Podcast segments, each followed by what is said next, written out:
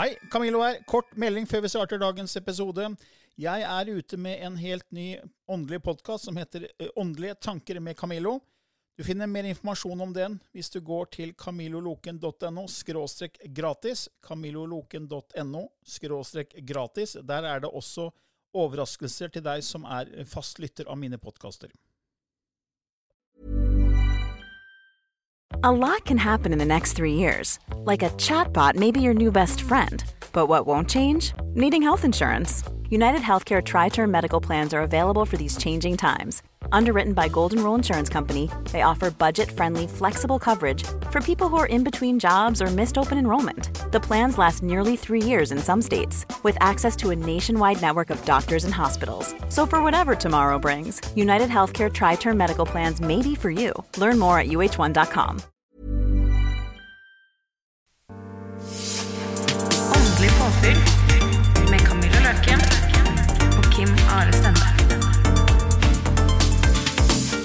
Hei og velkommen til en ny episode i Åndelig påfyll hver tirsdag med Kim Are Stende og Camillo Løken. Hallo, hallo. Ja, Kim Are, vi har jo snakka om litt forskjellige temaer opp igjennom, og nå skal vi snakke om eh, hva er spiritualitet? Ja. Eh, som- Og hvor, hvorfor trenger vi guruer? Ja. Og hva er egentlig en guru? Ja. For det lurer jeg litt på, skjønner du. For jeg, for jeg syns definisjonen er litt sånn vanskelig Ja. å, å helt eh, forstå, Ja.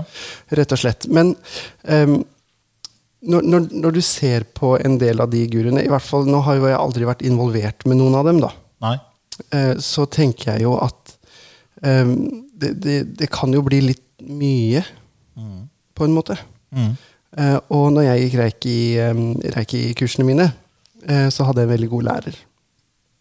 Eh, og hun, hun snakka veldig mye om guruer, for hun likte dem ikke i det hele tatt. Okay. Eh, så sa hun det at hvis du staver guru på engelsk, så bør det gå opp et lys for deg. Da trenger du dem ikke lenger, sa hun. Fordi at det er G-U-R-U. Oh, ja, ja, det var fint sagt. Ik ikke sant? Og det er sånn der Å, du er du, på norsk, da. Eh, så da mente hun at man ikke skulle trenge guruer, da, og ha noen å følge, Ja. på en måte. For de kan jo få fort makt hvis man på en måte gir bort hele sin kraft til en guru, og det guruen, alt det den guruen sier er rett og, og riktig. Så blir man på en måte farvet veldig av det, og så for, former det livet ditt, og så gir du på en måte kraften din. da. Ja. Um, og det å gi bort kraften sin er ikke en bra ting. Nei. Uh, det har man sett mange eksempler på tidligere, som ikke er bra. Og, um, og det er viktig på en måte å beholde den, og ikke, altså, andre skal ikke styre deg. Men, men hva legger du i begrepet spiritualitet? Spiritualitet eh, for meg handler om å på en måte tro på noe som er større enn deg selv, eller energiene rundt deg, altså kall det hva du vil, men at du på en måte ikke er aleine på planeten. da. Mm. Spirit, ikke sant? Ja, spirit. At det er spirit on, at det er, det er en ikke-fysisk del. Jeg er Ja. veldig glad i ikke-fysisk ordet. Ikke-fysisk. Eh, ja, at det er en ikke-fysisk del da, eh, i deg, eller rundt deg, eller som på en måte er med deg. Ja, for det, det, jeg tenker også det at det er, vi er del av noe større som ikke vi kan se og ta på. Ja. Eh, Men det er akkurat som før, da, eh, når vi ikke hadde mikroskopsoppfinnelse. Ja. Så kunne vi ikke se bakterier og virus, Nei. Eh, men de var der. Ja. Så de var på en måte en del av en usynlig verden. Men så oppdaga vi, eller fant opp mikroskopet, og ergo så ble de en del av den fysiske verden. Ja. Så, så jeg tenker at det er litt sånn eh, fortsatt. da, At Ja, vi ja, ja. mangler måleinstrumenter for å se at det er en ikke-fysisk verden som ligger bak alt sammen. Ja, eh, Problemet med det er jo det at eh, veldig mye forskning eh, Det blir kalt eh, en form for pseudoforskning. Så det er veldig mange som ikke vil ta i den biten engang. Og det, jeg syns det er veldig synd, fordi hvis de hadde begynt å utvikle disse maskinene, da, som kan være med å måle de forskjellige energiene, eh, så tror jeg det at mange hadde fått en, en annen en annen trygghet i livet, rett og slett. Fordi spiritualitet handler ikke bare om å tro på noe som er større enn deg selv, men at du faktisk blir sett, og at noen er der, eller noe er der, eh, som kan være med å veilede deg på veien. Jeg vet at det er funnet opp sånne type maskiner som skal fange opp eh, ulike energier rundt oss. da, Ja. Eh, Som kan være avdøde, eller kan være ja, spøkelser. altså Ja. At det er ting rundt oss. Eh, Det er også seriøs forskning fra HeartMath Institute Ja. eh, og fra dr. Joe Dispenza. Og de har jo sett veldig på det med chakrasystemet. At når de gjør jo øvelser på chakrasystemet, så de har eh, mennesker som da er med i øvelser. Ja. Og så tar de bilder før og etter, så de ser at uh, energifeltet rundt uh, menneskene endrer seg og blir kraft, mer kraftfulle ved å gjøre visse energiøvelser. Da. Ja. Så, så det, er, det er helt klart at det er energi i, i, rundt oss og i oss overalt. Ja. Så, så det, det er jo ikke noe tvil om, egentlig. Men det er, det er liksom to grener av forskningen. Du har liksom den du har kvantefysikken, som er den, Ja. den grenen som kom for ca. 100 år siden, som flere og flere begynner å omfavne. Men du har også den klassiske fysikken, som sier at det er materie alt som er. Ja. Det er liksom det vi ser og kan ta på, ja, det er det vi, vi forsker på. Ja. Det her starta jo allerede på 1600-tallet med René Descartes. Ja, ja, ja, ja. Den franske, franske filosofen og matematikeren som splitta sinn og, og, og kropp. ikke sant? Og så dualismen. Ja. Og så ble det veldig fokus på det vi kan ta og se på, det vi kan forske på. Kroppen, det fysiske. Og så, så ble det liksom det, det ble en sånn en slags gjennomgangsmelodi at 'matter is all that matters'. Materie er alt som betyr noe. Yes. Og så har det liksom blitt stående som, som det eneste. Og så har man glemt at vi, var, vi er også sinn, men også sjel. Ja. For det var jo en veldig naturlig del før vitenskapen begynte å få fotfeste med René Descartes og Isaac Newton og alt det her. Ja, ja, ja. Og så, så, men nå ser det ut som det kommer litt tilbake igjen. da. Det er akkurat som vi har gått inn en blindgate og ikke lært masse om materie, masse om den fysiske verden. Men så akkurat som nå, nå er det flere forskere som begynner å ta tak i sinn og bevissthet og Ja. sjel og det, det ikke-fysiske. da. Ja, og det er veldig bra. Eh, fordi når den der splittelsen skjedde, så ble det jo til at kirken fordi at det var jo her i Vesten, ikke sant? Eh, at kirken skulle ta seg av den åndelige delen, og så skulle vitenskapen ta seg av den fysiske delen. Eh, og, eh, og, og da også på en måte så ble jo kirken veldig dominerende og avgjørende. da. Eh, og etter hvert som vi har blitt seku sekularisert, så har den åndelige biten eh, blitt redefinert eh, av oss som samfunn, egentlig. Eh, og prester var jo guruer før.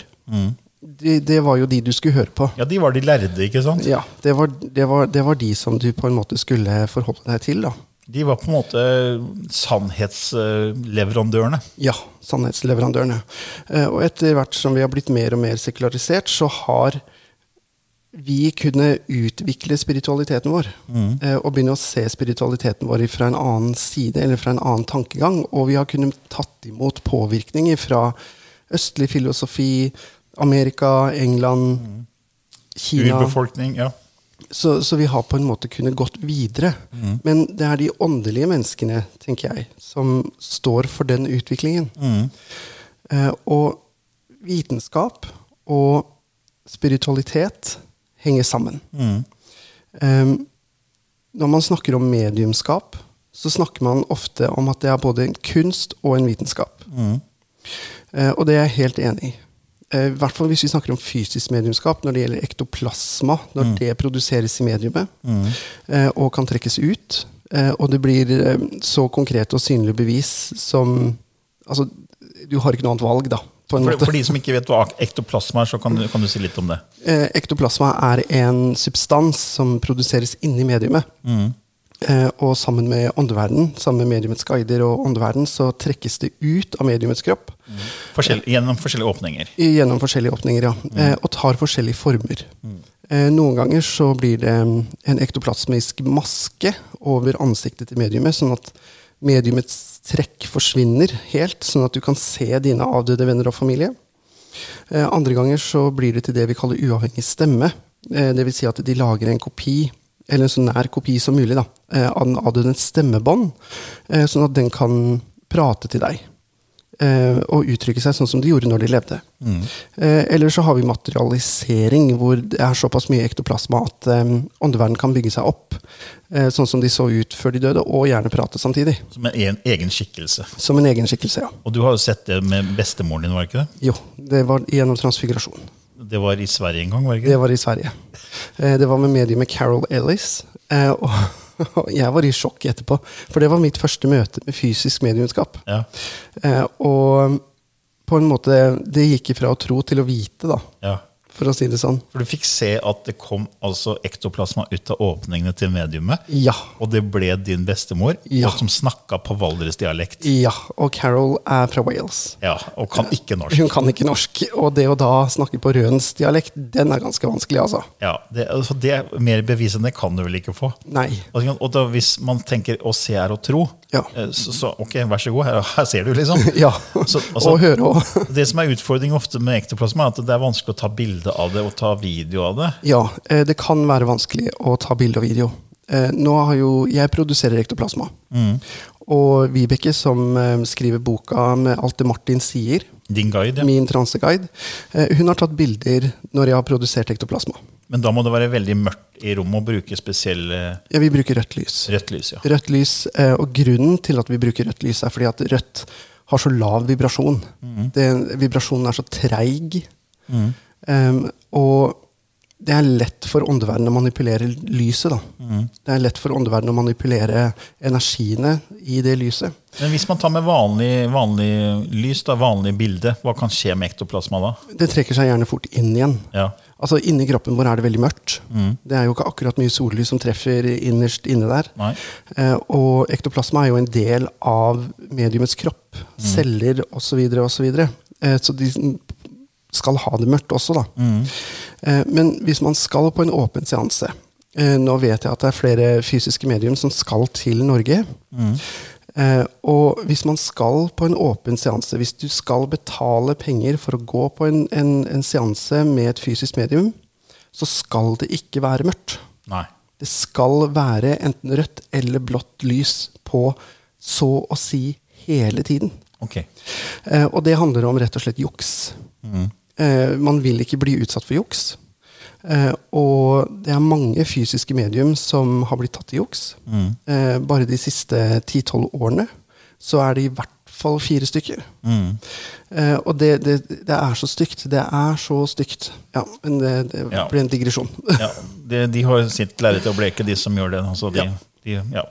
Eh, ja, men vi, vi kom kanskje litt ut av Ja. Vi, vi spora litt av, men det, det er sikkert greit. Ja, jeg jeg tror lytterne syns det er greit å høre om ektoplasma òg. Ja. Men i hvert fall spiritualitet. da, Vi snakker om det at ok, det er spiritualitet og vitenskap går hånd i hånd. Og så har vi snakka litt om eh, det er med guruer, eh, Ja. sekter. Ja. Eh, jeg, jeg har gjort litt research på det. eh, Og det har jo vært mange sekter opp igjennom hvor man ser det har gått gærent. Ja. Eh, Og det, jeg tenkte bare referere til noen av de. Eh, Det var noe som het The People's Temple, som var fra 1955 til 1978 Såpass lenge over, ja. i Indiana, i Indiana i USA. Og det ble laga en som het Jim Jones. og Han skulle skape da en slags utopisk fellesskap. Et samfunn som bygger på eh, prinsippet om at alle innbyggere er likeverdige. Så i, I november 1970 så reiser kongressmedlem Leon Ryan til Johnstowns, hvor han og tre journalister og en havhopper ble skutt og drept, før Jones beordra sine følgere til å drikke en cyanidsnøret eh, drink, som resulterte i tap av 909 liv. Oi. Så de som fulgte han, de, de drakk da cyanide eh, og bare hadde det bra, liksom. Ja. Så, så de hørte på han, da var han liksom visste best. ja. Og det var en annen, eh, en annen sekt som heter Branch David, Davian Nei, David, Davians? Davidians? Davidians? Jeg vet ikke Du kan se hva det, hva det står der. Davidians. Davidians, The Yes. Branch Davidians, fra 1955 til 1993. Og denne Lederen trodde han var med Messias, David Koresh, og erklærte alle kvinner, inkludert de mindreårige eller allerede gifte, for sine åndelige koner. Ja. Og Gruppen trodde at verden skulle gå under, og i frykt for dette så låste de seg inn i en bygning i Baco, Texas. Og den 28. februar 1993 så kom FBI og reide området pga. Ja. av mistanke om at eh, det var lagra våpen der. Så starta en skuddveksling, og det ble en kamp mellom eh, denne sekten og FBI som varte i 51 dager. Og tok til slutt da Det tok fyr. De, de fylte hele, hele området med tåregass, og alt tok fyr. Og det, 80 mennesker døde. Uff meg. Så det, Sånne sekter har, har skjedd opp igjennom. da. Og det er En annen sekt er som en Heaven's Gate fra 1972 til 1997. Grunnla i San Diego av eh, Marshall Applewhite og Bonnie Nettles. Basert på forutsetning om at romvesenet ville es- eskortere medlemmer av gruppen til Kingdom of Heaven via utenomjordiske romfartøy. Ja. Og I mars 1997 så planla gruppen en masseselvmord som de, gjen, som de gjen, gjennomførte. Og Det var tidsbestemt til å sammenfalle med ankomsten av Haley-Bob-kometen, som medlemmene trodde ville skjule den fremmede romfartøyet på vei til jorden. Så kledd i svarte tunikaer inntok medlemmene en blanding av eplemos, vodka og et beroligende middel, for deretter å dekke hodene i plastposer og døde. Og døde. Ni av de 18 mennene, inkludert Applewhite, hadde blitt kirurgisk kastrert da gruppen påla sølibat. Og Før selvmordet hadde de laget en videofilm med et budskap om at de gjorde dette frivillig, og at de til og med var glade for å dø, så de kunne gå til neste nivå. Oi. Og Da tenker jeg da går det for langt. Det, det, det er galskap. Fordi vi er her nå, vi lever et liv her nå. Ja. Det er en mening med det. Ja. Og jeg tror vi kommer hit for å erfare ulike typer følelser og skaperverket. Og være med i hele denne prosessen av å skape noe. Ja. Og vi har ideer, tanker, og det blir til ord, det blir til handling. Eh, Alt skaper selvfølgelig en tilretningsprosess av tanker, ord, handling. Så jeg tror vi er her for å skape og nyte den prosessen. Ja. Og det fikk jeg en form for bekreftelse for i 2011, var det vel. Da var jeg med på programmet fra den andre siden oh, ja, ja, ja. sammen med Lilly, Lilly Bendriss. Og vi var backstage. Det her var et TV-program som gikk på Kanal 5. Og da ba- backstage så satt en dame som het Michelle Ballinger, ja. som eh, Hun kaller seg en energityv, eller hun var en energityv, eller også kalt vampyr, faktisk. Ja. Og hun øh, Veldig fascinerende dame, men hun så egentlig veldig androgyn ut. Ja. Hun så både ut som mann og kvinne. Veldig høy, veldig slank. Eh, og så fortalte hun at hun hadde opplevd mye, og så spurte vi om vi kunne få samtale med henne etter innspillingen. innspillingen. For hun spilte inn sin episode, og vi skulle spille inn vår, så de liksom spilte inn flere episoder samme kveld. da. Så etter vi var ferdig med innspilling, så gikk vi til et hotell i nærheten, og så fikk vi prate med henne. da. Lilly og jeg satt og snakka med henne en times tid. Og jeg var helt i hundre. Jeg fikk stille tusen spørsmål. Og så spurte jeg liksom Ja, ok, men eh, husker du alle liva dine? Ja, det gjorde hun. Hun pleide å huske liva sine når hun kom i sånn seks-syvårsalderen. Så kom minnene. Eh, Så sa jeg, hva skjer når du dør? Nei, da går du ikke noe sted, men du går til mellomrommet. Og det er sant, Vi snakker om den ikke-fysiske verden. Du går liksom bortenfor det fysiske, liksom, og så kommer du tilbake. Og så sa jeg, men hvorfor er vi her? sa jeg. Jo, det er fordi vi kommer hit for å skape og nyte hele prosessen fra idé til realisering av, av den, den ideen. da. Ja. Eh, manifestasjonsprosessen. Fordi alt går så sakte her på jorda. Det er sakte, treg energi. Veldig. Eh, Det er som å gå i gjørme, så du må bruke mye kraft for å skape noe. Og så skal du nyte prosessen, da, som å nyte det å bestige et fjell. Der kommer du å spurte til toppen, men det er å stoppe underveis og nyte utsikten. Ja. Og Det er det jeg tror vi er her for. da. Eh, og da, da blir det liksom feil å si at å nei, vi skal ta selvmord for å komme til neste nivå. Ja. Sånn som du gjorde i denne sekten her. da. Ja. Det jeg føler blir litt sånn drastisk. Ja, det, det, det, det tenker jo jeg jo at det blir- det blir jo litt heftig, da. Ja. Eh, For om man tror på reinkarnasjon eller ikke, eh, spiller egentlig ingen rolle. Um, For det handler jo om at vi skal leve her og nå. Ja. Eh, Og, og jeg som medium får ofte høre at jeg glorifiserer døden. Ja, ja, det har også jeg fått høre når jeg snakka om døden. Ja, eh, At jeg glorifiserer døden, at man nesten ikke kan vente med å dø. liksom. Eh, Det er ikke sant. Det er ikke sant i det hele tatt. Eh, Alt mediumskap handler jo om å hjelpe mennesker til å leve her og nå. Til å kunne legge fra seg sorg, eh, anger, eh, ting som er sagt, ikke sagt osv. Så videre. Sånn at de kan leve mer her og nå. Det er det som er meningen. Eh, og når du gir bort kraften din, tenker jeg, til sånne, sånne guruer, eh, så lever du ikke her og nå lenger. Da er du på noen andres nåde. Eh, og det å være på noen andres nåde er ikke bra i lengden. Nei, absolutt ikke. Sant? Men jeg tenker også, når jeg har snakka om døden, så har jeg på en måte vært opptatt av at man skal ikke være redd for døden, fordi jeg tror det fortsetter. Ja. Eh, Fordi jeg var jo ateist i 40 år. Ja. Eh, Og jeg var redd for å tenke på døden. For da hvis du tenker som en ateist, så er det sånn ok, når du dør, så er du borte for evig og alltid. Ja. Du opp, altså Det er en utrolig skremmende tanke. Ja. Du skal opphøre for evig, evig, evig, evig! Mm. evig og alltid! Borte. Ja, og, det, for, og da ville jeg ikke tenke på døden. Da var jeg veldig redd for å tenke på døden. husker Jeg når jeg vokste opp og sånn, jeg, jeg bare skjøv det foran meg. Men så når jeg ble interessert i å finne ut mer, da, så skjønte jeg at det er jo massevis av spennende forskning på nær døden-opplevelser. folk som har kontakt med avdøde. Det er, det er mye bevis, egentlig. Ja. Og da tenkte jeg, oh, ja, så fikk jeg en sånn indre ro at ja, men det fortsetter jo. Ja. Eh, og man vet jo at energi verken kan oppstå eller bli borte. Det bare transformerer. Ja. Og vi er energivesener. Så vi transformerer, bare fortsetter, på en måte. Det er akkurat det vi gjør. Og det er jo ikke det å glorifisere døden, men det er bare en form for en slags berolige mennesker med at døden er en transformasjon. Det er ikke farlig. Nei. Du bør ikke være redd. Nei. For jeg fikk jo se faren min ligge på dødsleiet, og han skalv som et aspeløv. Mm. Og jeg vet ikke hvor mange samtaler vi hadde sammen eh, siste året når jeg begynte å skjønne at han, han ble dårligere og dårligere. Så prøvde jeg å fortelle ham men det, det, det fortsetter. Det er Ja. veldig mye spennende forskning. Se her, se her. Jeg ville ikke se på det engang. Og han bare syntes at jeg, alt jeg sa, var tull. Og så lå han der, og jeg, den gamle mannen han var jo nesten 85 år. Det var vemmelig å se på. Altså. Det var, Ja. uff, han hadde så mye frykt. Han hadde så mye frykt, og tenkte jeg, Hvis han bare kunne omfavne det som en transformasjon, så hadde han sluppet alle disse grusomme følelsene på slutten. Ja. Det tror jeg også. Det var en angst, og det var, åh, han var, var, var på et veldig mørkt sted. Ja. Så, det, så, så sånn sett så tenker jeg at døden er eh, Det er på en måte, det fortsetter. Det er, det er ikke slutten. Nei. Det er bare en, det er en dør som lukkes, og en ny som åpnes. Det er en overgang. Overgang, ja. En eh, holdt på å si en, Det å dø er ofte eh, sånn som jeg har opplevd det, da. Med mennesker som har For jeg har sittet på dødsleie hos en del mennesker. mm. eh, fordi at jeg er medium, og de vil ha meg der. ja. Og jeg har sagt ja. Um, så er det, det, det er veldig spesielt. eh, og det er mange som jobber innen helsevesenet, som har opplevd å sitte med døende mennesker.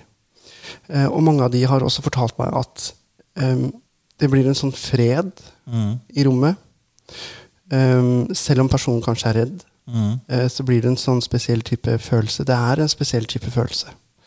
Eh, og når jeg har eh, vært med på, på den overgangen, så har det alltid kommet noen fra åndeverden for å hente. Og du har sett det, da, eller? Ja, følt dem. Ikke alltid sett dem, men følt dem. Mm. Eh, og kunne prate med dem. Og de har alltid stått og venta til eh, den døende på en måte er klar. da. Mm. Og da tre når de trekker sitt siste pust, så er det sånn Det er akkurat som noe forlater. Mm.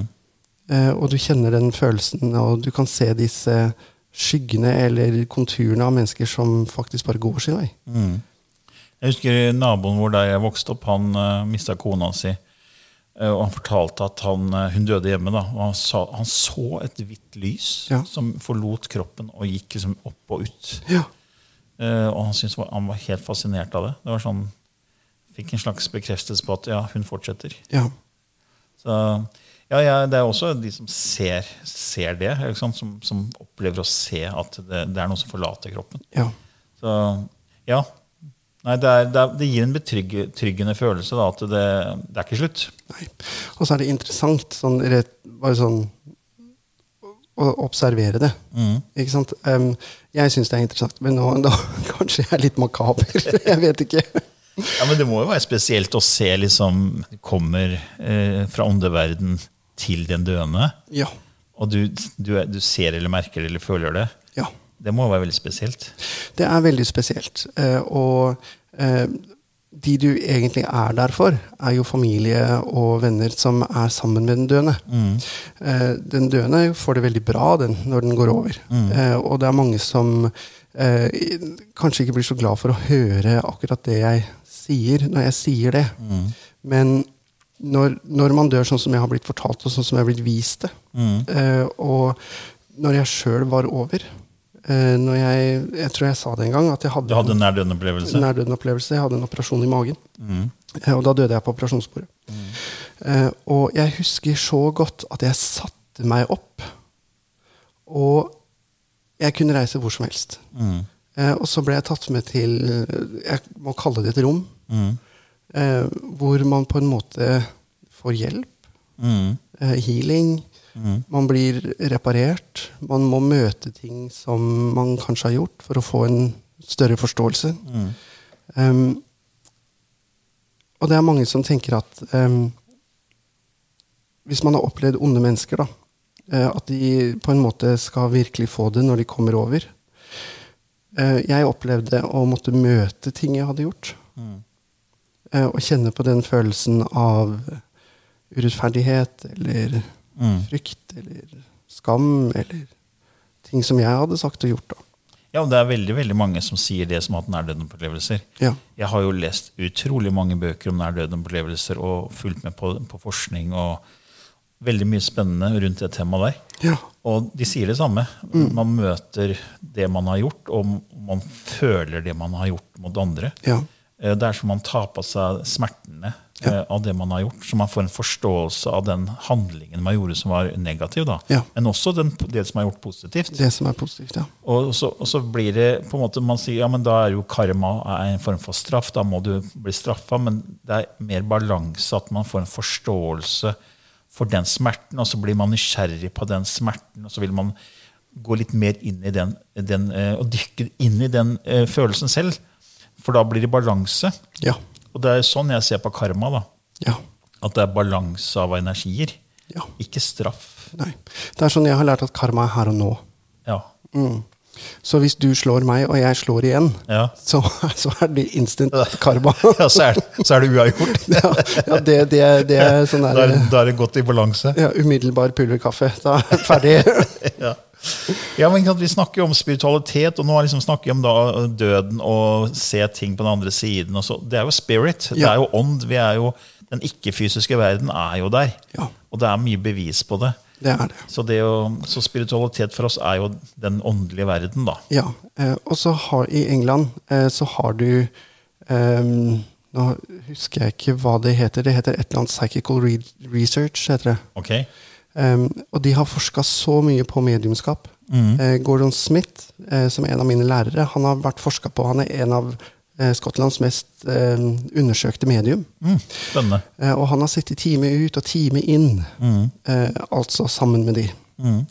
Og de har forska så mye på hvordan mediumets hjerne fungerer når de på en måte har kontakt, Mm. og når de ikke har kontakt. Mm. Og hvordan det fungerer når de prøver å få kontakt og ikke får det til.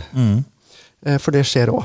Jeg hadde, jeg hadde en sitting nå, nå som ikke funka. Jeg fikk det ikke til. Det var som å kaste et fiskesnøre ut i et vann, og du ser fisken svømme rundt kroken, men du får ikke tak i den.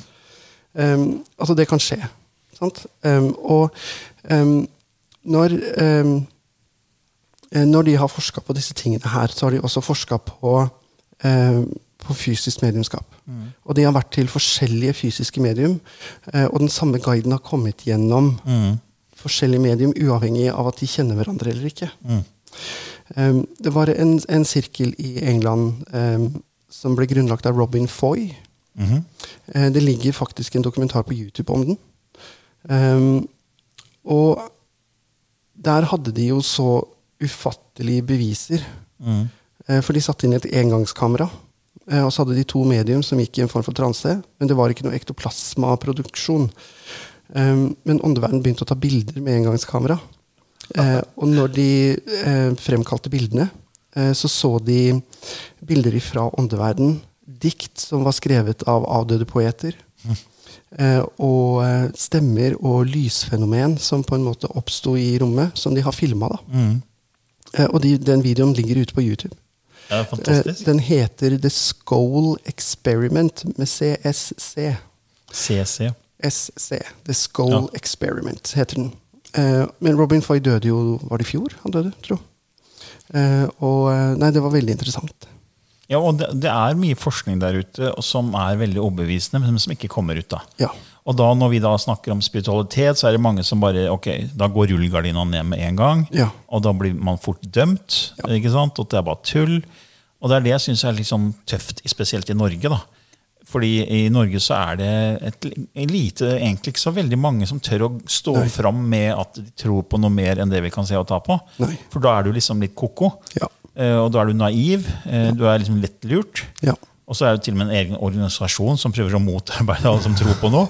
Ja. Eh, ikke sant? Og det er, det, og det er, de er ganske ufine. Og det er eh, Folkeopplysningen som prøver å henge ut at det er bare tull. Ja. Så det er, det er, jeg synes det er litt eh, Jeg tenker om, noen år så kommer det til å være mer, eh, mer teknologi, ny teknologi. Det kommer til å bli mer og mer bevis. Ja. Og da, da blir det mer og mer som barnelærdom. Ja. Og da lurer jeg på hva de menneskene som da har vært så ufine da, kommer til å tenke når, når det blir som stuerent. Ja, det, det kan bli interessant. Eh, og da er det litt sånn viktig at vi som på en måte kanskje har fronta dette her, da ikke står og sier ha, ha, hva, var det jeg sa? Ikke sant? Ja, det, det er sant. Eh, Jeg husker jo Even Alexander, da jeg leste om han, denne nevrokirurgen som fikk en nærdøden-opplevelse. Og før han fikk sin egen opplevelse, så hadde han en, en forklaring som var liksom eh, basert på at det var bare hjernen som, som tulla med deg. liksom. Ja. Og, og lag, ja, bare ga deg hallusinasjoner. Ja. Eh, Så han hadde ment han kunne forklare det, og så fikk han sin egen opplevelse, og det snudde jo helt opp ned på livet hans. Ja. Men da gikk han fra å være en kollega blant de han jobba med, til å være en, en outsider. Ja. En raring. Og plutselig så mista han jo liksom respekten og sånn fra andre kollegaer. Ja. Men han hadde jo til og med dokumentasjon på blodprøver og alt. eh, hvilken tilstand han var i bevissthetsmessig når han lå der i koma i syv dager. Ja.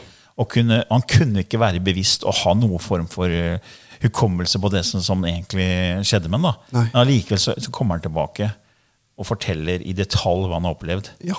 Og han viser til blodprøven at eh, det her er umulig. Det går ikke liksom Allikevel fysiologisk sett. Og allikevel så vil ikke de tro på det, da, enda han har beviset. Skjønner du? Og det tok, husker jeg jeg skrev det ut for å vise til faren min. Ja. Han, han var jo lege. Han ville ikke se på det engang. Nei. Nei. Nei, for ofte så er det sånn at man, man gjør veldig mye for å, å forsvare og beholde sin overbevisning Ja. på ting. Og det gjelder også vi som er i alternativmiljø. Ja, ja, ja, absolutt. Eh, altså, jeg, jeg tenker at hvis, vi, hvis flere hadde hatt litt åpent sinn, Mm. eh, og muligheten til å kanskje forandre oppfatning eller mening, så hadde verden vært et mye fredeligere Mm. Ja. sted. Men Ja. som mamma pleier å si, det er veldig stor forskjell på et åpent sinn og hull i hodet. ja. Ikke sant?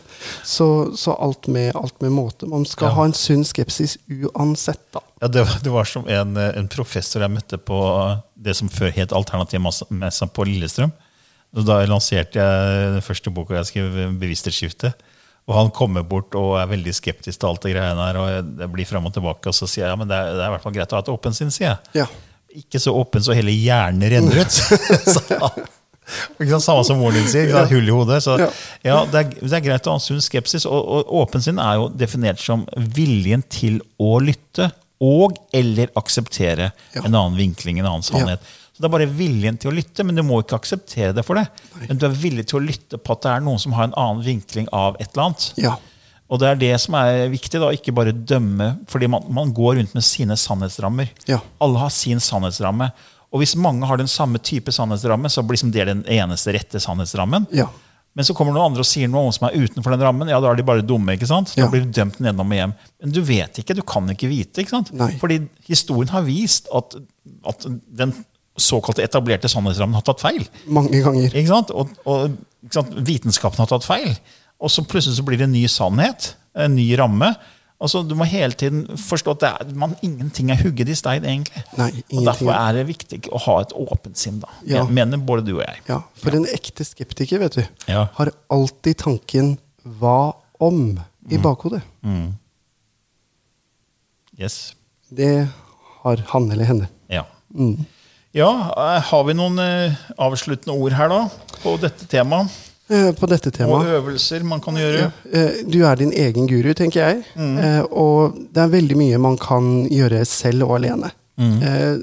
Selvfølgelig er det veldig fint å ha et nettverk rundt seg, og kanskje en lærer som kan hjelpe deg. Men det er også veldig mye du kan gjøre aleine. Mm. Meditasjon, f.eks. Og oppleve på en måte den universelle kraften som jeg og du snakker om. Mm. Eh, da bruker vi gjerne en øvelse som heter å sitte i kraften, eller å sitte i stillheten. Mm. Uh, 'Sitting in the power' heter den på engelsk. Uh, er det mange som bruker da, Eller 'sitting in the silence'. Mm. Uh, det er rett og slett at man blander sin energi med universets energi. Mm. Øvelsen er egentlig fryktelig, fryktelig enkel. Du setter deg ned, lukker øynene, som alltid. Pust dypt og godt med magen. Pust gjerne med nesa hvis du kan det. Og rett og slett bare la Tenk deg at det kommer en hånd og løfter deg opp. Eh, og at du på en måte flyter litt mellom stjernene. Og bare vær i den tilstanden. Eh, og bare ligg der og bare kjenn på den kraften, for det er det som er eh, det vi kaller å sitte i kraften. Sitting in the power. Um, hvor du på en måte kan kjenne på den universelle kraften, Mm. og la dem få lov til å bli en del av deg. Mm. Veldig fint. Ja, jeg håper det. Ja. Og med det så sier vi takk for denne gangen. Jo, tusen takk. Ok, ha det bra. Ha det.